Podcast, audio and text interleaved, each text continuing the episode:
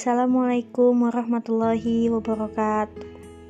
Pertama-tama gue mau ngucapin selamat pagi buat semuanya Selamat siang, selamat sore juga Dan selamat malam juga buat semuanya yang dengerin podcast gue ini. Karena gue gak tahu kalian dengerin podcast gue pada waktu kapan. Jadi gue sebutin aja semuanya ya. Oke. Okay. eh, Gue juga gak pernah lupa untuk ingetin kalian untuk selalu jaga kondisi tubuh kalian, jaga stamina tubuh kalian. Semoga kalian dalam keadaan sehat walafiat, jasmani dan rohaninya juga sehat di tengah pandemi COVID-19 ini. Dan gue juga nggak pernah lupa untuk ingetin kalian semuanya, semuanya untuk selalu gunakan masker jika kalian berada di luar rumah. Jika kalian ada keperluan mendesak di luar rumah, jangan lupa untuk menggunakan masker. Itu barang penting di tengah pandemi COVID-19 ini. Dan juga jangan lupa penggunaan hand sanitizer. Itu juga sangat penting. Karena kalian tahu ya di mana-mana tempat selalu guna selalu mengada apa ya? Uh, selalu menyediakan hand sanitizer di tempat-tempat mall, tempat-tempat Alfamart pun juga di depannya tuh. Jadi hand sanitizer itu memang sangat penting juga untuk untuk menjaga-jaga agar uh, kondisi kita tangan kita itu benar-benar terbebas dari virus corona. Karena kita nggak pernah tahu virus itu seperti apa. Virus itu kan kecil banget ya nggak bisa kita lihat pakai mata kita pakai telanjang mata kita mata mata yang telanjang gitu. Jadi penggunaan hand sanitizer itu juga sangat penting. Oke di podcast kedua gua kali ini gua juga mau review juga novel masih dengan novel yang sama ya.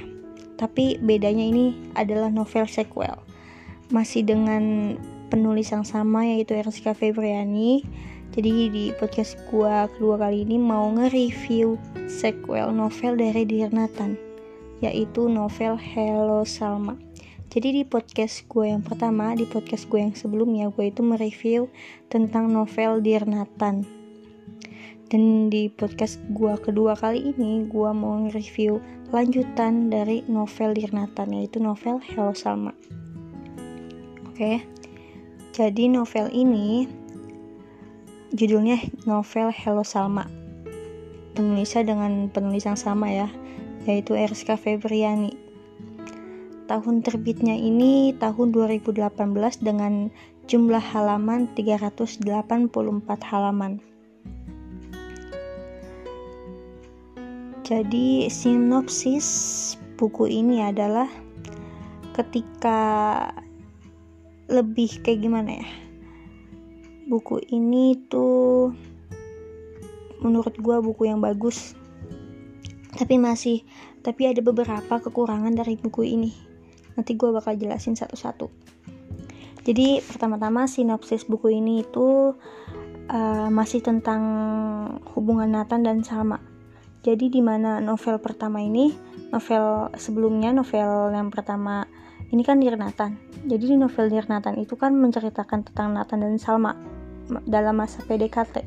Tapi di novel kedua ini, novel sequel Nathan ini menceritakan uh, perjalanan kisah gaya pacarannya Nathan sama Salma dan konflik-konfliknya juga. Jadi di sini konfliknya nggak cuman konflik tentang percintaan Nathan dan Salma, tetapi ada konflik pribadi mereka juga dan konflik orang lain juga. Di sini juga menceritakan konflik tentang depresi. Ini isu yang paling bagus, yang paling uh, apa ya, yang paling tinggi waktu itu uh, beritanya. Jadi penulisnya bagus banget nih, memasukkan uh, konflik permasalahan depresi pada novel ini.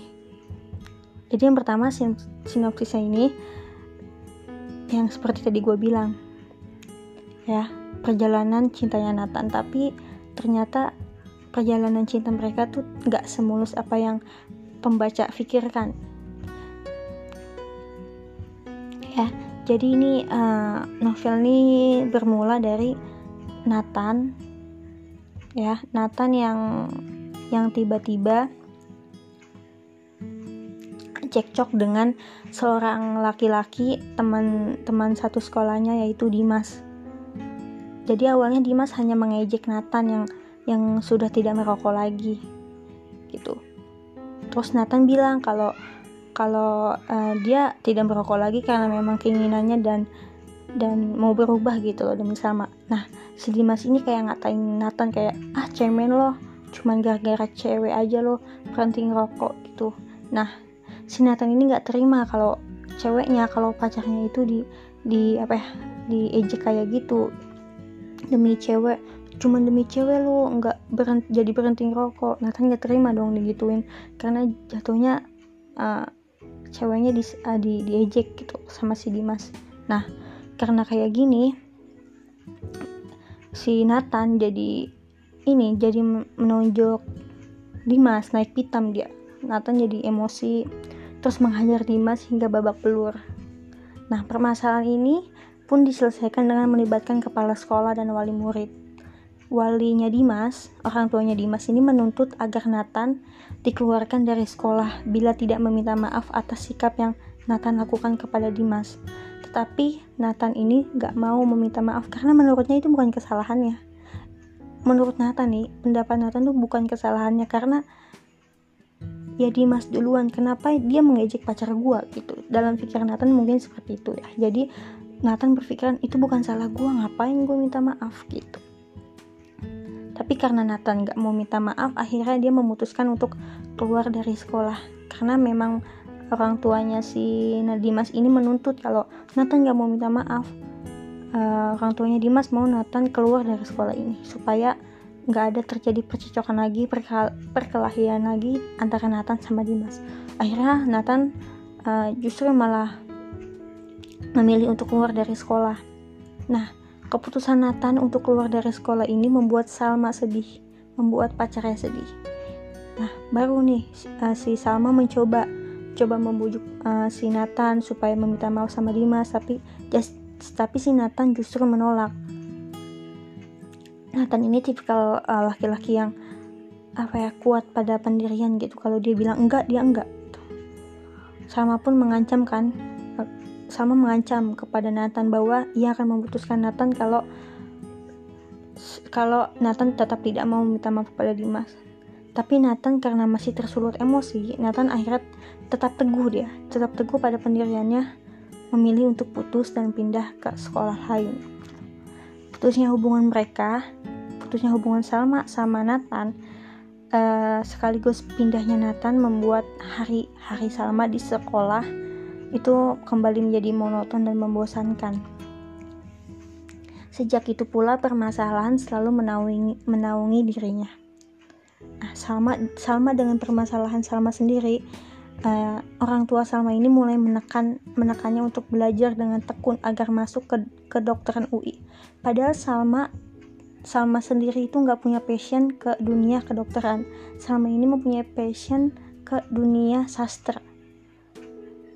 Si Salma ini pengen banget masuk sastra Indonesia, tapi orang tuanya menekan untuk dia masuk ke kedokteran tak hanya itu mereka juga melakukan berbagai cara agar anaknya berhasil gitu jadi orang tuanya sama ini juga meng, apa ya mengundang gitu teman-teman orang tuanya untuk mengajarkan sama uh, kedokteran gitu uh, materi-materi pembelajaran kedokteran.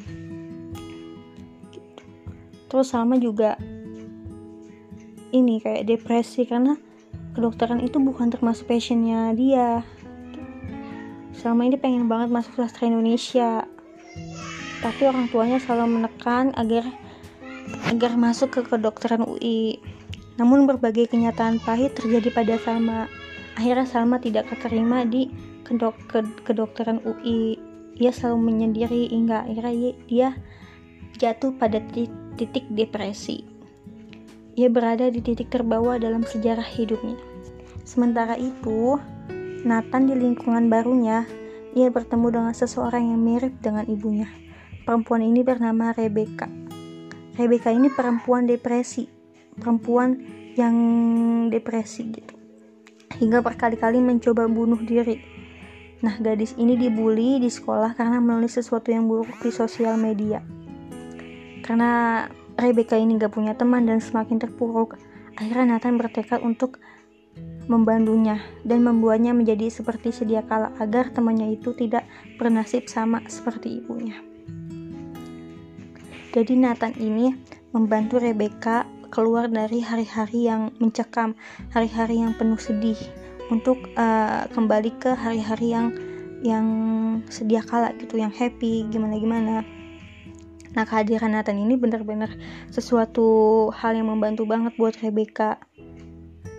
Karena Rebecca kayak kayak merasa punya semangat gitu. Dan karena Nathan juga akhirnya Rebecca mempunyai uh, komunitas. Komunitas ini bernama self love komunitas mencintai diri sendiri. Dan akhirnya karena dan akhirnya karena si Rebecca ini karena si Rebecca ini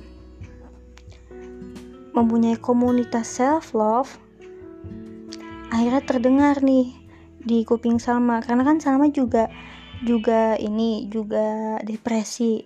Nah akhirnya lama-lama Salma kayak menemukan komunitas itu dan akhirnya si Salma ini jadi berteman dengan Rebecca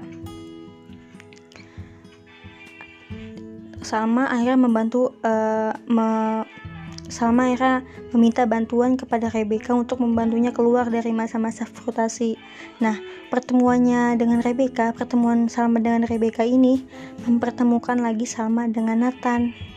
Cinta Salma yang belum bisa dia lupakan. Gitu. Jadi ini ceritanya balik lagi ya ke ke Salma sama Nathan tapi dalam konteks Salma sama Nathan ini udah putus udah udah nggak pacaran lagi. Tapi tapi ketahuilah di di dalam hubungan mereka sebenarnya dia mas mereka berdua masih sama-sama saling mencintai masih sama-sama saling sayang gitu. Sama-sama saling care satu sama lain. Terus Nathan juga di sekolah barunya mempunyai teman baru juga dan membantu Rebecca juga dalam masa-masa sulitnya. Si Salma pun juga si Salma pun juga apa ya uh, kayak ketemu cowok juga. Tapi cowoknya ini tapi cowok ini tuh teman dekatnya papa te teman dekat papanya Salma. Ja, untuk membantu Salma uh, supaya bisa lulus dari kedokteran. Tapi ternyata sama sekali tidak bisa.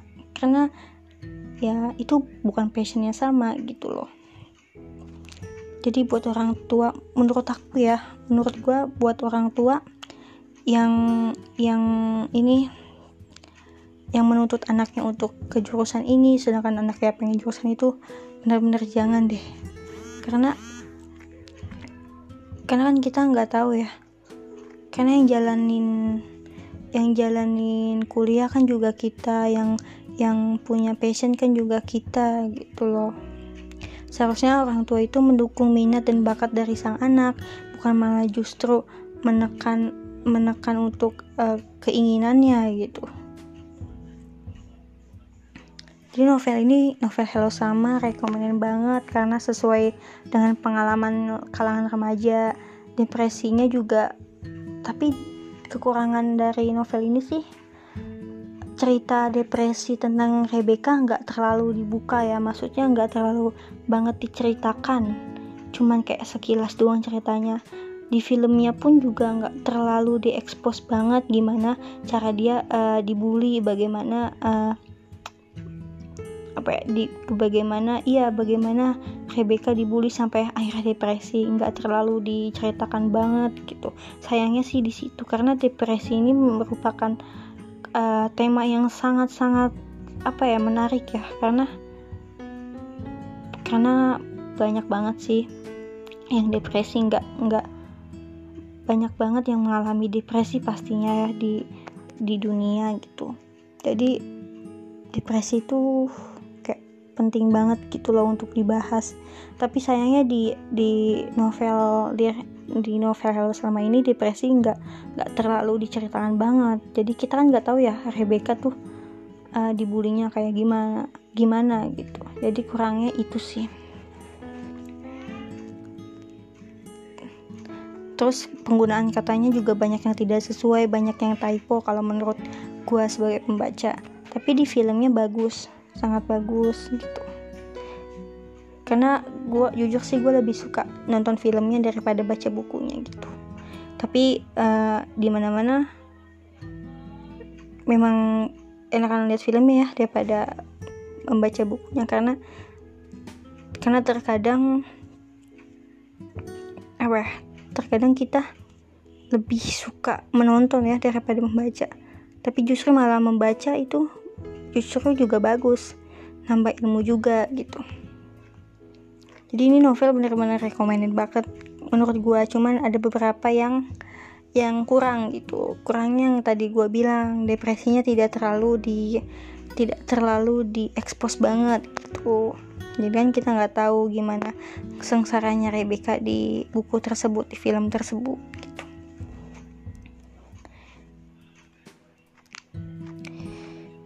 Hello Salma ini juga apa ya banyak banget peminatnya. Seperti yang gue bilang tadi pembaca di Wattpad juga banyak uh, penonton di filmnya pun juga banyak. Terus uh, secara umum juga gue suka banget sama ide ceritanya juga novela ini gak cuma menjual kisah romansa Nathan sama Salma juga tapi yang tadi gue bilang menjelaskan tentang depresi juga menjelaskan tentang uh, kehidupan kita juga masa-masa kuliah juga gitu loh lingkungan baru lingkungan sekolah lingkungan kuliah deh maksudnya.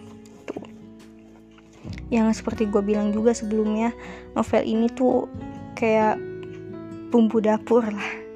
Ada rasa manis, rasa pahit, rasa asin, rasa pedas semuanya tercampur dalam novel ini. Filmnya pun juga bagus gue rekomendin banget sama kalian buat nonton filmnya juga. Banyak kok di di website yang menyediakan film film Hello Salma. Kalian tinggal download atau tinggal streaming juga bisa. Terus uh, eh, gue juga suka uh, menyukai gaya cerita si penulis gini. Penulis ini KRSK Febriani menggunakan sudut pandang orang ketiga jadi membuat pembaca itu memahami pemikiran masing-masing tokoh oh Salma oh Salma pemikirannya seperti ini oh Nathan pemikirannya seperti ini oh Rebecca pemikirannya seperti ini jadi masing-masing tokoh itu kita kita tahu pemikirannya itu seperti apa karena penulis ini menggunakan sudut pandang orang ketiga dalam uh, menulis novelnya. Namun, hal ini juga menyebabkan ceritanya menjadi cukup ngambang. Seperti yang saya bilang tadi, uh, novel ini kayak merasa bagian Rebecca itu ketika depresi dan dibully kurang dieksplor. Hingga uh, gue kurang kayak kurang ngerasain betapa menderitanya dia. Bahkan bagian ketika dibully cuma diceritain doang gitu loh kayak merasa kurang aja. Terus banyak juga quotes yang bagus di uh, buku ini kayak quotes-quotes contohnya ya per, per, peraturan pertama apabila ingin melupakan seseorang adalah berhenti untuk mencari tahu. Bagus nggak? Terus apalagi ya? Ini gue sambil baca-baca bukunya udah gue tandain juga sih. Quotes yang paling bagus. Ini ada lagi. Gak usah ngerendahin orang lain buat naikin derajat lo. Jadi cewek emang harus jual mahal biar cowok tahu artinya perjuangan. Bagus banget. Terus ada lagi nih quotes yang bagus juga. Ketika kamu berpikir kalau hidupmu tidak berguna itu adalah racun. Bisikan itu berusaha menghancurkan kekuatan besar dalam dirimu. Kamu harus percaya bahwa kamu lebih kuat daripada apa yang kamu percaya, lebih kuat dari apa yang kamu lihat, dan lebih pintar daripada apa yang kamu pikirkan. Ini bagus banget sih quotesnya. Kayak membangun banget quotes ini terus ada lagi nih quotesnya. Cewek emang aneh ya dia yang mutusin terus dia yang nangis seolah dia yang paling tersakiti. Ya gimana ya namanya juga perempuan sisi sensitifnya tuh banyak gitu namanya perempuan kan perempuan tuh lemah. Perempuan itu dilahirkan uh, pribadi yang lemah juga lemah hati tapi ya nggak nggak nggak semua wanita lemah sih. Terus ada lagi quotes yang bagus nih seseorang yang menderita kesehatan mental emang kadang-kadang kelihatan normal. Tapi orang tapi orang nggak pernah tahu masalah di balik senyumannya itu. Terus ada lagi. Zaman sekarang jempol itu lebih tajam dari lidah. Sesuatu yang lo kira lucu itu bisa nyakitin hati orang lain. Ini bener banget sih. Bener banget nih zaman sekarang jempol itu lebih bahaya lebih tajam daripada lidah. Sesuatu yang kita anggap lucu nih pendapat kita lucu nih tapi belum tentu pendapat orang lain lucu. Justru malah mungkin menurut pendapat orang lain apa yang lo keluarkan apa yang pendapat lo keluarkan malah itu justru membuat mereka sakit hati gitu. Jadi bijak lah kalau menggunakan sosial media gitu. Jangan sembarang lo ngetik gitu tanpa lo tahu uh, sebab akibat dari apa yang lo ketik itu terus ada juga uh, nih kuatas yang bagus kalau udah nggak sanggup nahan beban di kepala coba deh lo minta tolong cerita sama orang terdekat lo. Cerita di media sosial tuh nggak bakal bisa memperbaiki masalah justru malah nambah masalah. Bener banget. Ini bener banget sih. Terus ada lagi. Kunci utama untuk mengatasi gejala depresi adalah bicara bener banget. Jadi buat kalian nih yang yang sekarang lagi merasa depresi coba deh lo cerita sama teman terdekat lo teman yang benar-benar bisa mengerti lo teman yang benar-benar bisa memahami lo. Lo cerita semua beban yang ada di hati lo yang ada di pikiran lo. Lo cerita semuanya. Jangan jadikan depresi lo itu menggerogoti otak lo. Lo jangan diem aja cerita sama teman teman terdekat lo gitu. Jangan jangan buat depresi lo itu semakin membuat lo menutupi diri. Jangan semakin membuat lo untuk berpikir ah gue orang yang gak berguna gue mati aja kali. Enggak enggak boleh kayak gitu. Kalau lo dalam tahap depresi please cerita. Gue gue bakal berus apa ya gue bakal bakal membuka kuping gue untuk kalian kok kalau kalian mau mau cerita. Apa pun kalian cerita kalau lo mau cerita ke gue gue juga bakal respon gue bakal dengerin. Karena orang depresi itu benar-benar butuh nasihat benar-benar butuh pemasukan. Orang depresi nggak boleh ditinggal sendiri. Ya jadi buat siapa pun lo yang lagi mengalami depresi gue mohon banget sama kalian untuk cerita. Jangan takut. Cerita aja dulu. Karena cerita itu bisa ngebuat lo lega ngebuat lo merasa beban yang ada di hati lo dan kepala lo tuh kayak ngerasa kayak udah kayak lega deh. Jangan malu untuk bercerita. Lo cerita aja apa masalah lo.